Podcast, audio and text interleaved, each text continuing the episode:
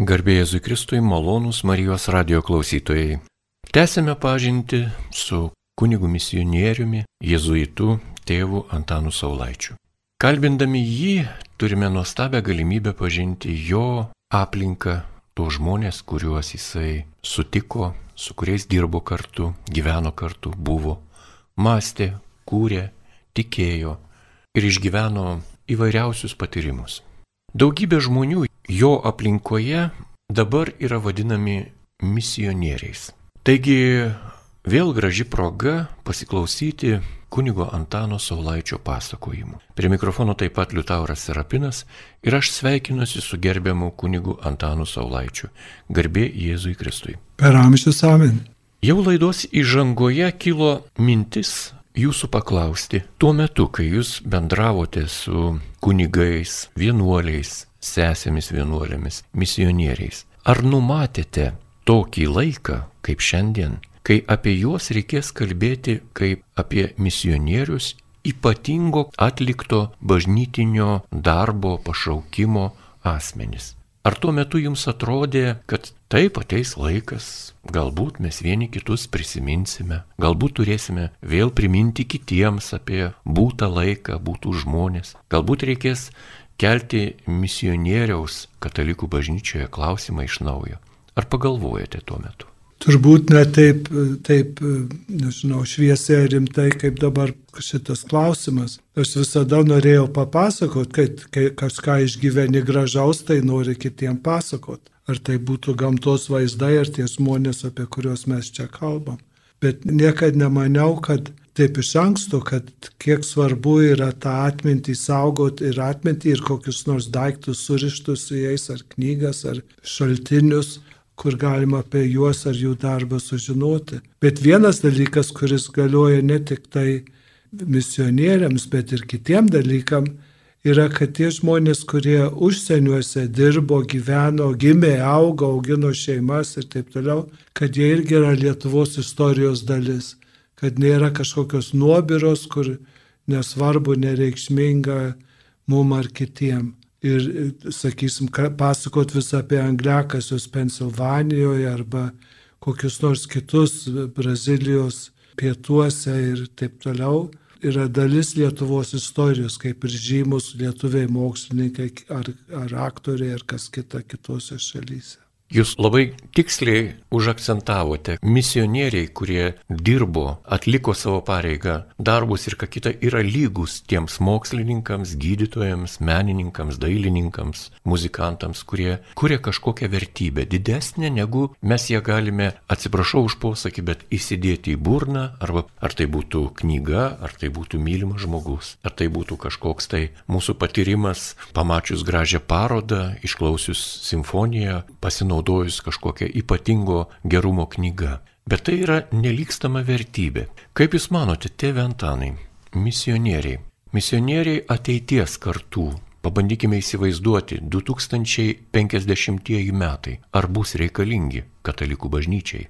Gal ne tokio pobūdžio išvažiuoti kažin kur į džiunglės ir kažką daryti, bet popiežius Pranciškus neklysta sakydamas, kad kiekvienas krikščionis yra misionierius, kad mes esam siūsti, eikite į pasaulį ir neškite, skelbkite Evangeliją.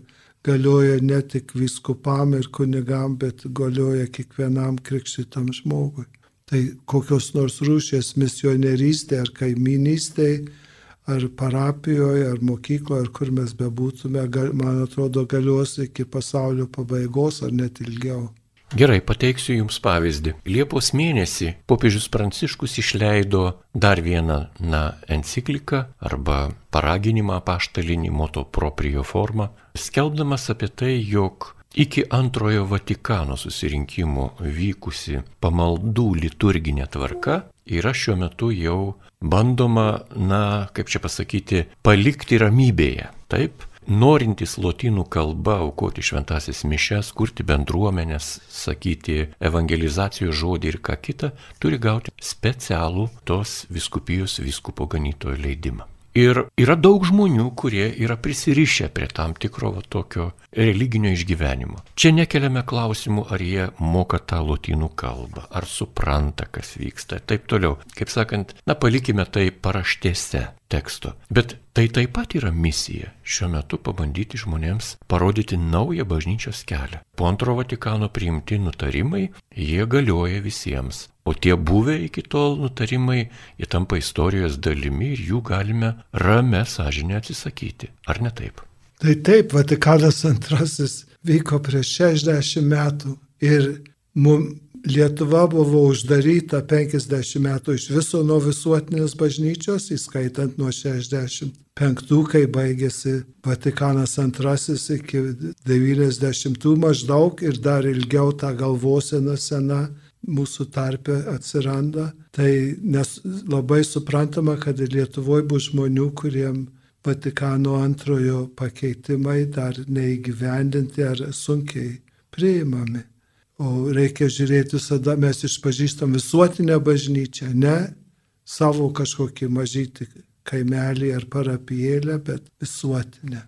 Tai čia yra tas mūsų didysis lobis, kurį Vatikanas II atveria per ne tik geografiniai, bet ir istoriniai. Labai daug dalykų Vatikano II yra paimta pirma, iš pirmųjų amžių. Visas bendruomeniškumas, Euharistijos šventimas toksai artimas arba, arba šeiminiškas, jeigu galim pasakyti, prieinamas, kunigas mato žmonės, žmonės mato kunigą ir taip toliau.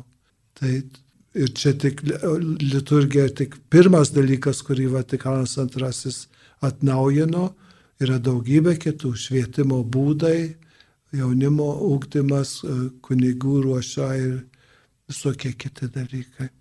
Jūs būdamas misionieriu Junktinėse Amerikos valstijose, taip pat ir Pietų Amerikoje, Šiaurės Amerikoje, kitose kraštuose, kur lankėte draugus, bičiulius Afrikoje, Azijoje ir kur kitur, jūs matėte tam tikrą trūkumą. Trūko žmonių, trūko rankų, trūko informacijos. Daugelį misijų nebuvo bažnyčių, žmonės statė tiesiog pastatus, susirinkimo pastatus, kulto pastatus. Ir neturėdami, stokodami, jie neprarado vilties. Kodėl? Nes nesisuka mūsų gyvenimas apie bažnyčios pastatą. Yra kaip žmonės gyvena namuose ir svarbiausia bendruomenėlėse, vieni kitus palaikydami savo amatuose ar gyvenimo būdė, čia kai galvoja apie tolimus kaštus ar mažas vietas, rūpinasi vargstančiais, ligoniais ir visa kita. Tas, tas pats, kas visada rūpi, rūpi ir žmogui ir ypač krikščionims. Tai tas yra daugybė vietų, kur susirenka mišioms salėse, laukia ir visa kita. O mes labiau linkę galvoti apie bažnyčią, bažnyčios pastatą, bet bažnyčia yra tie žmonės, kurie šitam kaime, mieste, miesto daly gyvena. Jūs, tėvė Antanai, atleiskite man už atvirumą, bet jeigu kalbėtume tik tai, kas mus, na, intelektualiai jaudina arba istoriškai, tai mūsų toks pokalbis būtų labai lėkštas vis tiek esame įpareigoti kalbėti apie tai, kas labiausiai paliečia. Kas labiausiai paliečia tiek džiaugsmo aspektų, tiek skausmo aspektų. Ir mes matome, kaip, sakykime, Vilniaus mieste bažnyčių, senų bažnyčių, ten klasicizmo epochos arba baroko epochos remontui yra skiriama, na, sakykime, 2 milijonai eurų, taip. Ir ta bažnyčia yra puošiama, gražinama taip toliau. Tuo tarpu tenai susirenkančiai bendruomeniai klausimas, kiek yra skiriama lėšų. Kaip jūs į tą kontrastą žiūrite, būdamas vyresnės kartos kunigas misionierius? Nu, čia jau būtų, aš turbūt negalėčiau nieko sakyti apie tai, bet yra tos vertybės yra turistinės arba ten meninės, kultūrinės, o, o mums rūpi ne, ne tik tai, bet ir, ir nes, ne tik šitas barokinės bažnyčios Vilniui, bet ir kaimuose rastų bažnyčios ar medinės yra be galo gražios, įdomios, meniškos, vertingos, bet visiems bendruomenė yra pirmoji vietoje. Kaip padaryti, kad ta bendruomenė galėtų vis geriau gyventi tikėjimu, nešti džiaugsmą, būti solidarūs, draugiški ir visa kita. Kodėl aš uždaviau tą klausimą? Todėl, kad matome tam tikrą tendenciją. Bažnyčios pastatai, vitražai, stogai, grindys, sienos gražėja, o žmonių tose gražiose bažnyčiose mažėja. Ką jūs į tai galėtumėte mums paguodo žodį, kokį tarti galėtumėte? Kad misija yra ta pati kaip visus 2000 metų, kad bendrauti su kitais žmonėms, sudaryti solidarias bendruomenės, kur vieni kitus palaikom ir rūpinamės tais, kurie yra silpnesni arba šviečiame tuos, kurie įsijungia į tą bendruomenę. Aš nežinau, kaip kitaip tą suprasti arba paaiškinti. Kai jūs nuvykote į Pietų Ameriką, ar jūsų šį, kurį dabar įvardinote, kredo, vietiniai tenykščiai gyventojai iškart suprato, priėmė? Aš to nežinau, aš tik žinau, kad buvo visus tuos metus labai malonu ir įdomu dirbti, bendrauti su kitais žmonėmis kartu, kunigais ir žmonėmis, kurti, vykdyti, džiaugtis ir visa kita, stengtis iš visų jėgų buvo nu, ir sėkminga, ir malonu, ir neužmirštama. Tai reikia tikėti, kad, kad ta nuotaika, reikia sakyti Vatikano antrojo, tas atvirumas gyvenimui, pasauliu, visa kita galioja. Pateiksiu pavyzdį. Gal mums, dabartie žmonėms, tie, kurie turime patirtį, supratimą, turime išmastymą ir išmeldimą. Gal iš tikrųjų reikia pastatyti kažkokį kambarį, namą prie kokio galingo didelio supermarket komplekso ir tame kambaryje nevaizduoti tų simbolių ženklų, kurie yra jau tradiciškai susiformavę ir galbūt graso, atgraso, ir pradėti kalbėti apie žmogaus laimę, vertę, ramybę. Gal tai būtų irgi misija? Tai čia yra tas šalia didelių parduotuvių turėti mažytę, yra ką darė prieš dešimtmečius jungtinėse ar gal ir kur kitur. Daugiausia protestantai, vadinasi, storefront churches, bažnyčia, kuri buvusioje parduotuvėje įrengta. Ir uh, tas uh, Dorothy Davisas sąjūdis su varguomenė su, būti irgi ir katalikų yra tokių įvairiose šalyse ir Pietų Amerikoje ir kitur, labai kukliose vietose, susirinkimo vietos, galim sakyti, vietinės bažnyčios, bet tų visų kitų dalykų. Tai tas buvimas ten, kur žmonės yra, kur žmonės renkasi, kur būna tie, kurie nelanko didmeščių ar kitų bažnyčių. Tai čia yra jau, kai aš dirbau Čikagoje, tai vienas didelis prelatas, kaip ir tyčioju, aš nežinau, jis manau, jis pasityčiodamas sakė, Solaitis turi kurti tokią bažnyčią parduotuvę kaip protestantai. Žinoma, niekada to nedariau ir aš stebėjau, kad jam iš viso atkreipė kokį dėmesį, bet yra vienas iš tų būdų, reikia būti su žmonėm kartu. Nu visiems būti kartu, ne, neišsiskirti. Paminėjote Čikagą. Man teko būti Čikagoje, pačiam centre, jis vadinasi Downtownas ir ten yra krikščioniškos katalikiškos knygos knygynas. Ir mane į tą knygyną nuvedė lietuvės, moteris, vietinės, čikagiškės. Tokia buvo sunki diena. Aš buvau išvykęs iš Lietuvos ir tą dieną sužinojau, kad mirė mano tėvas. Ir tiesiog, na, nei pakartas, nei paleistas. Nu, sunki diena. Supranti, kad nėra bilietų grįžti į laidotuvės ir, ir nori būti su artimaisiais ir neturi kur dėtis visiškai. Ir jos mane nuvedė į knygyną, krikščioniškos knygos pačiam centre ir, ir ten tokios mažos durelės spintoje ir jos sako, tu užeik čia. Sako, atidaryk tą spintą. Sakau, tai kad nepatogu, jinai uždaryta. Ne, ne, drąsiai atidaryk. Aš atidarau tą spintą ir ką aš matau. Toje spintoje mažas kambarėlis. Mažiukas, mažiukas toks vienam žmogui. Ir ten išstatytas švenčiausiasis sakramentas. Ir tu tiesiog knyginę įlendi į spintą, į tabernakulį ir gali pabūti su Jėzumi. Kai pagalvoji, ar čia pagal taisyklės, Ar čia pagal kanoną kokį tai, dar kažką. Kaip? Parduotuviai, švenčiausiojo sakramento tabernakulis, ar, ar vieta, ar ką kita.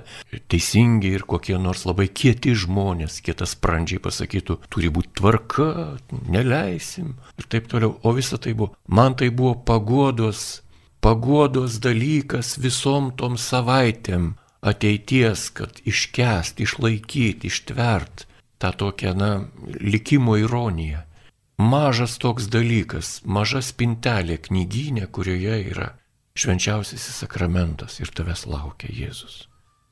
Ir jis tave nuramina.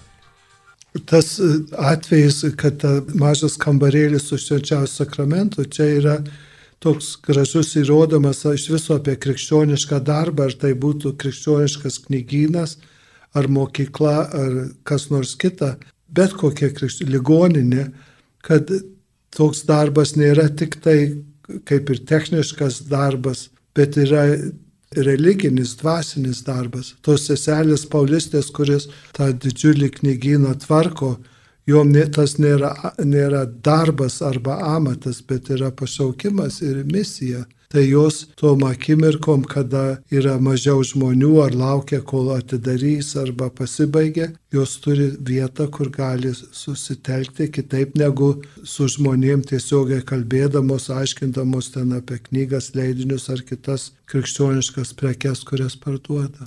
Bet taip pat tai yra misija. Taip, yra misija, taip, čia yra jos, jos taip skelbia Evangeliją arba geriau sakyti, liūdė Evangeliją. Malonus radio klausytojais girdite laidą, kurioje apie kunigus misionierius pasakoja taip pat kunigas misionierius, jėzuitas, tėvas Antanas Saulaitis.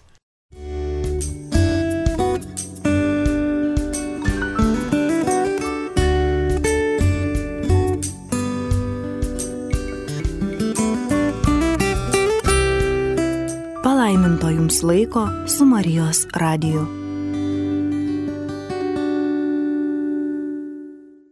Tęsime laidą. Prie mikrofono kunigas jėzuitas, tėvas Antanas Saulaitis, jį kalbina Liutauras Serapinas. Iš dokumentų, kuriuos jūs gausiai siuntėte man anksčiau ir dabar, mes randame jūsų surastus žmonių vardus ir pavardės, kurie dirbo misijose ir dirba šiuo metu. Ir vienas iš tokių dokumentų yra jūsų surinkti vardai, kurie šiuo metu atlieka misijas visame pasaulyje ir taip pat atlieka misijas čia Lietuvoje. Taip pat kunigai, pasauliečiai, vienuoliai ir kiti žmonės. Ir, na, aš tiesiog trumputę iškarpą perskaitysiu jūsų atsiusto dokumento. Seselė Fausta Palaimaitė, Brazilijoje. Gintarė Juozalėnaitė, Brazilijoje. Jonas Kryžinauskas, Guatemaloje. Tomas ir Neringa kurapkaičiai su dviem vaikais Gvatemaloje, kunigas Gintautas Gudas Kazachijoje.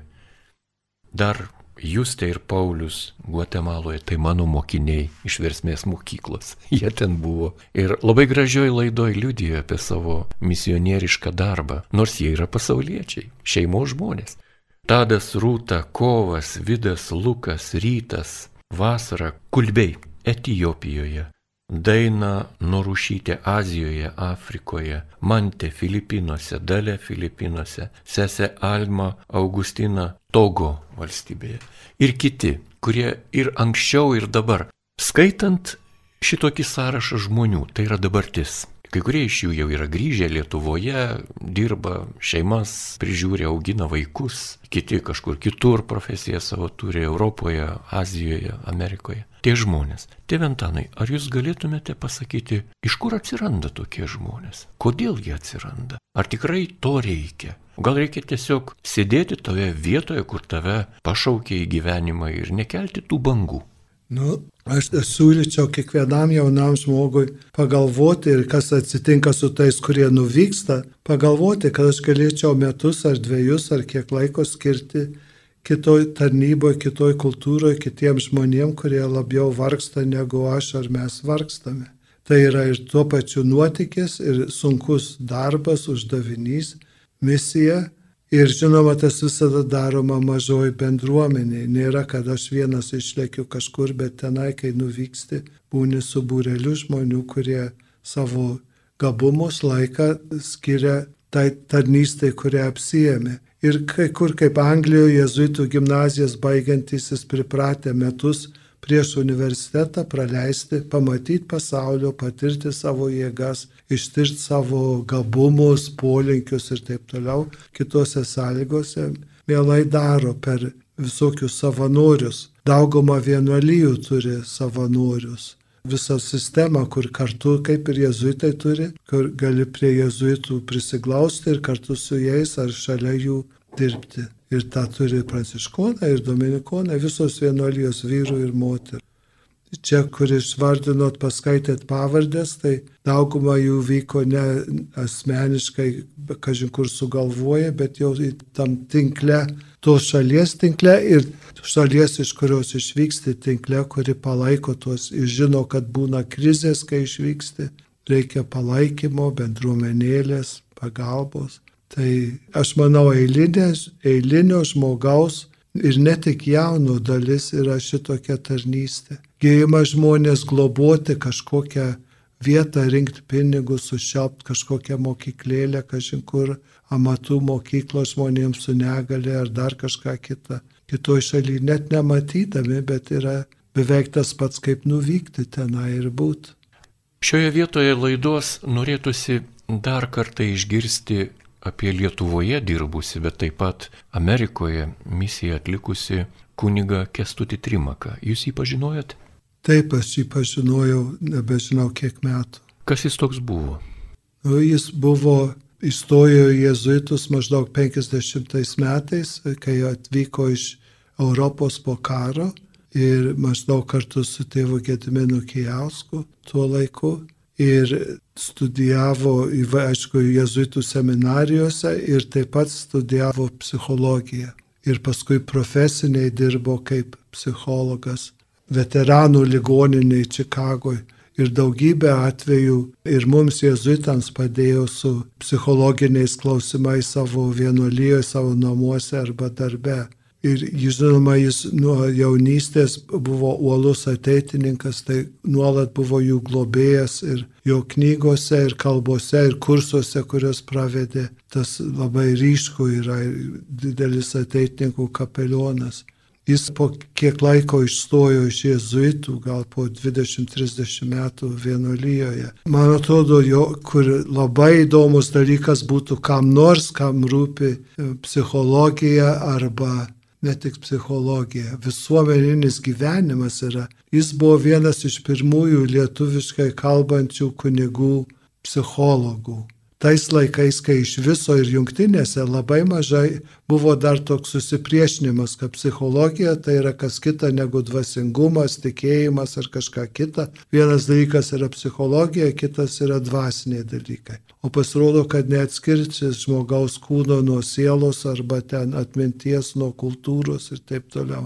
Tai būtų labai labai įdomu jo raštus ir jo poveikį kitiem, kokiam nors mokslininkui ar studentui išstudijuoti tuos metus nuo 50-60 iki maždaug dabar, kaip pasaulyje vystėsi tas dvasininkų pažiūra, psichologija ir kaip lietuvių tarpe išeivijoje ir paskui vėliau Lietuvoje tas visas klausimas sprendžiamas, kur psichologai nėra jokie dvasininkų priešai ir konkurentai, yra labai gražiai sutampa ir iš mano pažinties per tuos visus metus tie jezuitai, kurie buvo psichologai, buvo ar yra psichologai, jie labai gražiai tuos dalykus suderina. Ir tai lygiai psichologai, kurie yra krikščionys ar katalikai savo tikėjimą su, su ne tik psichologai, bet ir psichiatrai labai gražiai suderina.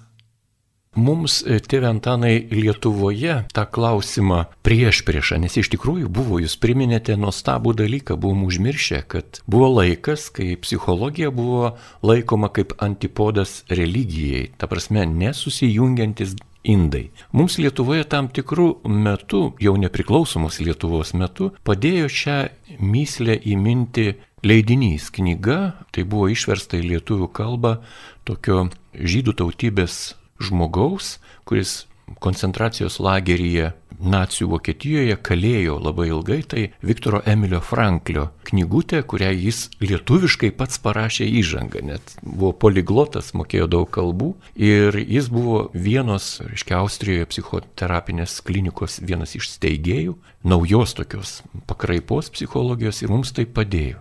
Man teko su kunigu Kestučiu Trimaku bendrauti, būti jo namuose. E, Čikagoje jis berots ten prie Balzeko kažkur gyveno. Tokiam kukliam namelėje, kukliam kambarėlėje. Didžiausias grožis ir gėris jo kambarėje kabojo Šimonio paveikslas vienas nepaprastai šiltas žmogus ir šilta jo aplinka. Ir jis prasitarė, kad jis visą gyvenimą slėpė, kad yra kunigas, kai dirbo su Amerikos jungtinių karo pajėgų veteranais ir juos atstatydavo gyvenimui. Nelabai galėjo rodyti savo kunigiško pašaukimo.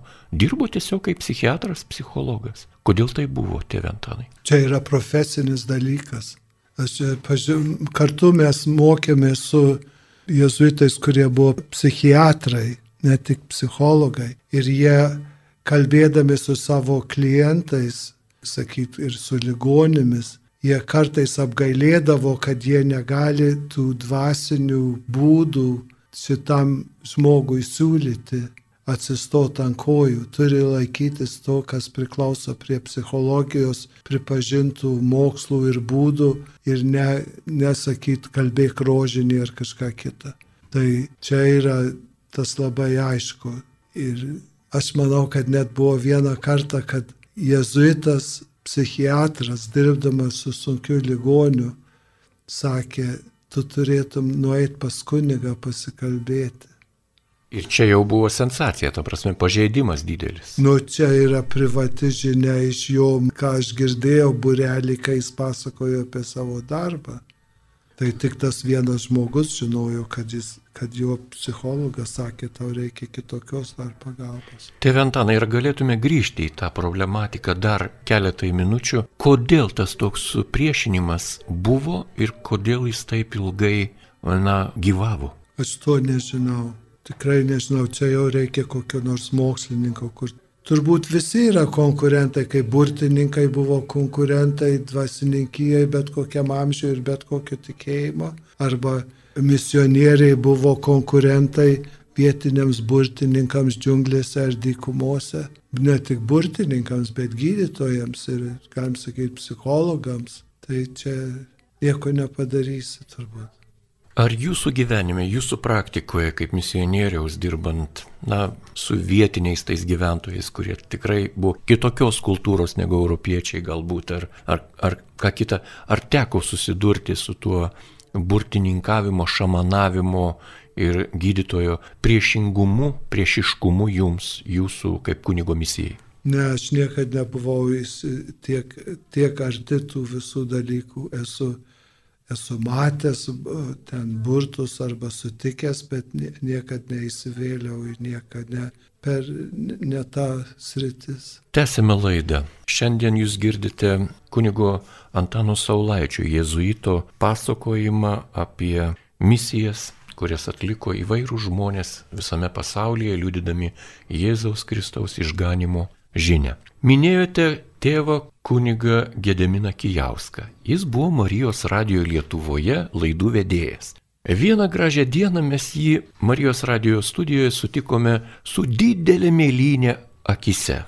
Jis atvykęs iš Junktinių Amerikos valstijų buvo apsiavęs tokiais, na, natūralios odos bateliais. O mūsų klimatas, mūsų klimato sąlygos, jos tokios drėgnokos, vėsokos ir ledas ir ką kita, Ir tėvas Gediminas sako, ėjau aš per katedros aikštę pro savo pilį. Jis labai mėgo tą leitmotyvą. Aš esu kunigas, kuris turiu savo pilį. Turiu Gedemino pilį, aš esu Gedeminas. Jis taip juokaudavo. Ir sako, žinot, paslydau ir taip tieškiausiai tos akmenys, kad tikrai akise ne tik, ne tik žiežirbos, bet ir mėlynės liko. Porą žodžių apie tėvą Gedeminą Kijauską. Jisai gyvena Kaune, ketvirtam aukšte Jėzuitų namuose, kur yra daugiau globos kunigam, jezuitam, kurie turi bėdų su sveikata ir jau jam sunkiau yra su kokia nu, sielovada užsimti. Jis buvo savo laiku, kai aš buvau jaunas, jis buvo mūsų provinciolas užsienį lietuvių jezuitų, paskui buvo 35 metus klebonas Klyvende Dievo motinos Marijos nuolatinės pagalbos parapijoje.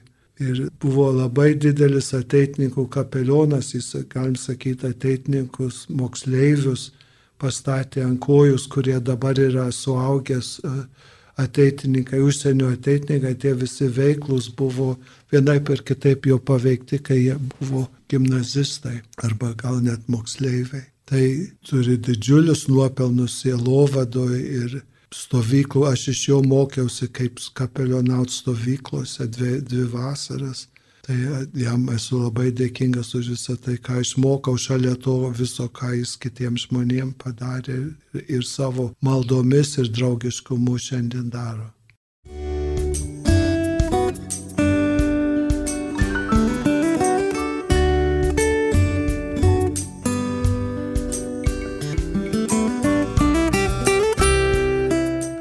Palaiminto jums laiko su Marijos radiju. Laidos pabaigai aš noriu perskaityti jūsų paruoštą tekstą, tai yra sąrašą kunigų, vienuolių ir nevienuolių, kurie buvo misionieriais Brazilijoje. O gerbiamam radio klausytojui, na, linkiu tokios kantrybės išklausyti šiuos nuostabius žmonių vardus ir pavardės. Prelatas Aleksandras Arminas, kunigas Kazimieras Bėkšta, kunigas daktaras Aleksandras Bendoraitis, kunigas Antanas Dragūnas, kunigas Martinas Gaidys, kunigas Zenonas Ignatavičius, monsinjoras, kunigas Feliksas Jokubauskas, kunigas Bronislavas Kačianauskas, kunigas Vytautas Kavolis, daktaras Vitas Kiaušas, kunigas Laurinas Kulas, kunigas Paulius Mališka, kunigas Jozef Markalonis, kunigas Viktorinas Mitska, sesė Liucija Mozuliauskaitė, sesė Faustina Palaimaitė, seseris Pranciškietės jų daug, kunigas Vincentas Pupinis, sesė Ksavera Šakėnaitė, kunigas Vladas Šatas, kunigas Kazimiras Tamošiūnas, kunigas Mečislavas Valiukevičius, gintarė Juozelėnaitė. Sąrašą žmonių. Jie dirbo Brazilijoje. Ar daug iš jų pažinojote jūs asmeniškai? Taip, turbūt pusę pažinojau iš, iš tų, kuriuos paskaitėt ir aišku, dar yra jų daugiau. Ką apie juos galima būtų pasakyti, apie tų žmonės kaip, na, sakykime, asmenys? Kodėl jie tokie? Nežinau, kai kurie yra iš kitų šalių atvykę trumpam laikui arba ilgam laikui, kiti yra patys Brazilijoje gimę ir dirbę. Ir labai svarbu, kad žinotų, kad yra lietuvių kunigų gimusių užsienį ir dirbusių ar lietuvių bendruomeniai, lietuviams arba bent tos šalies, kurioje gimė. Tai nežinau, jie, kiekvieną iš jų, kai skaitai, aš nusišypsau, nes matau, kaip atrodo, kada, kada sutikau ir taip toliau, kitus, kurių nepažinojau, tai tada tik esu girdėjęs iš kitų. Ir todėl surinkau tos vardus ir pavardės, kuriuos tik galėjau ir, juos galim rasti ir internete, kas domisi, gal ko gero suras savo giminių ar pažįstamų ar ko nors kilusio iš to paties miestelio ar kaimo čia Lietuvoje. Apie vieną kitą truputį detaliau. Daktaras Vitas Kiaušas, MD. Ką reiškia MD? Gydytojas. Vitas Kiaušas dirba vakarų Amazonijoje, Porto Velių mieste. Jis yra apie 70 kiek metų amžiaus, įsteigė pirmą kraujo banką vakarų Amazonijoje ir buvo pirmas to kraujo banko direktorius. Ir labai dosnus žmogus jis yra nevedęs, jis užaugino nežinau kiek vaikų, globoja, globoti jam padėjo moterys, kaiminės, su kurias aišku jis išlaikė. Jis siuntė vaikus mokytis į salėziečių mokyklą, rūpinosi, kad vaikai būtų pakrikštyti. Ten yra braziliukai tamsesnio gymio, kaip čia Lietuvoje mėgstama sakyti, Kazimieras ir Vytas ir kitais lietuviškais vardais. Jis iš savo kuklios gydytojo algos prieš savo namus pastatė pastogę, kur maitinami jo, jo tos vyrėjos padėjėjos maitina gatvės vaikus neturinčio, beglobius vaikus. Ir tas kaip ir trobelė pastogė aplipdyta vytimi ir dar kažkuo. Ir su vienu advokatu pagalba jis įsteigė Švento Kazimiero tokį šalpos fondą. Taigi, daktaras Vitas Kiaušas, nuostabus žmogus, Dar jūs sąraše minite monsinjorą Zenoną Ignatavičių, ar jį pažinojate? Taip, žinoma, pažinojau. Jis buvo, ilga istorija, jis buvo Brazilijoje viskupijos tarnyboje, Rio de Janeiro viskupijos tarnyboje. Vienu tarpu jis buvo paskirtas generaliniu vikaru lietuvių sielovadai, kaip ir aukštos pareigos. Mūsų viltys buvo, kad gal jį paskirs popiežius Pietų Amerikos lietuvių vyskupų ir tada turėtume pagalbos per visas tas penkias šalis, kur daugiau lietuvių gyvena ir patys susiderinti savo tarpę ir tokią paskatą turėtume, bet jis, reikia sakyti, palyginus jaunas mirė. Labai malonus žmonių mėgstamas, jis dėstė ir seminarijoje vietoje ir taip toliau. Ta visą galim surasti jis mirė Romoje, tai jo palaikai ne Brazilijoje. Paminėjote savo viltį tuo metinę turėti vyskupą, kuris būtų skirtas lietuviškų bendruomenių parapijų reikalams. Kodėl tokią viltį turėjote? Koks buvo aktualumas tokios pareigybės tuo metu? Nes jau buvo vyskupas Europos lietuviam, vyskupas Deksnys, Antanas Deksnys, kilęs iš Rokiškio apylygių Ir žinoma, buvo Šiaurės Amerikoje vyskupas Baltakis paskirtas ir paskui jis tapo visų lietuvių, kadangi nebuvo po Deksnio, nebuvo kito Europai skirto. Tai viskupas Baltakis, pranciškonas, keliavo ir į Australiją, ir Pietų Ameriką, ir visur kiek įmanoma palaikyti tas lietuviškas bendruomenės. Tai mūsų viltis buvo, jeigu turi Europą ir Šiaurės Ameriką, tai kodėl ne Pietų Amerika. Ir čia ne mano, tik mes buvom 35 lietuviai kunigai Pietų Amerikoje, turėjom kunigų vienybę, draugiją, tai čia tais laikais čia buvo. 35. Ar buvo ganėtinai jūsų, ar trūko? Visada trūksta. Kodėl? Darbininkų visada trūksta, bet kur ir Lietuvoje yra vietų, darbo vietų ir nėra darbininkų, kurie ten norėtų ar tiktų. Taip, bekalbėdami apie tokias nuostabes asmenybės, kurios jau yra istorijoje, na, įskyrus gal tėvą Gedaminą Kijauską, Marijos radio laidų vedėją, kuris šiuo metu gyvena dar Kaune, gal ir kiti minėti šioje laidoje žmonės dar yra mūsų tarpe. Tai be kalbėdami, prisimindami, mes atėjome į šios laidos pabaigą, bet ne paskutinės. Turėkime vilties, kad tėvas Antanas dar mums pasakos ir pasakos. Laidos pabaigai, apibendrinant šią laidą. Ar galėtumėte pasakyti, kodėl mūsų poreikiai, mūsų poreikiai visada eina iš paskos? Kodėl mes negalime nesugebame arba kažkaip nesugebame išmelsti iš Dievo malonės, kad tie mūsų poreikiai būtų, na, daugiau ar mažiau labiau patenkinti. Kad ir vyskupo skirimo klausimų, ar parapijos steigimo, ar bažnyčios pastato nepaprastai gražaus, bet tuščio, ar bendruomenės gyvavimo klausimų. Kodėl taip yra?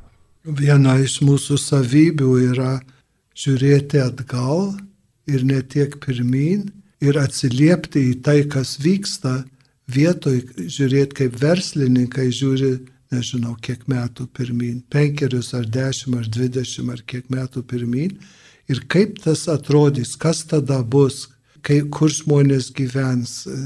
Ne tik kai kas įvyksta, tada sukam galvą, ką daryti. Kaip gali būti ateityje, kokie yra būdai pasiekti žmonės kurti bendruomenės arba kokie dvasiniai, psichologiniai, ten bet kokios kitos sąlygos reikalingos, kad galėtume krikščioniškai gyventi bažnyčioj, bažnyčios globoje, burtis, veikti, skleisti gerąją naujieną, užstoti skriaudžiamus ir taip toliau. Žiūrėti pirmin ir net gal. Čia yra kaip ir eilinis žmogus, ateina iš pažinties arba su kunigu pasikalbėti, vis kalba apie tai, kas buvo. O sunkiau yra žiūrėti pirmin, ką aš matau kaip savo pašaukimą, savo galimybės, savo kryptį pirmin, kur aš keliausiu. Ačiū Jums už labai brangų pamokymą. Tam pamokymui prireikė Jūsų gyvenimo metų. Kiek metų jau Jūs gyvenate? Aš esu 82 metų amžiaus.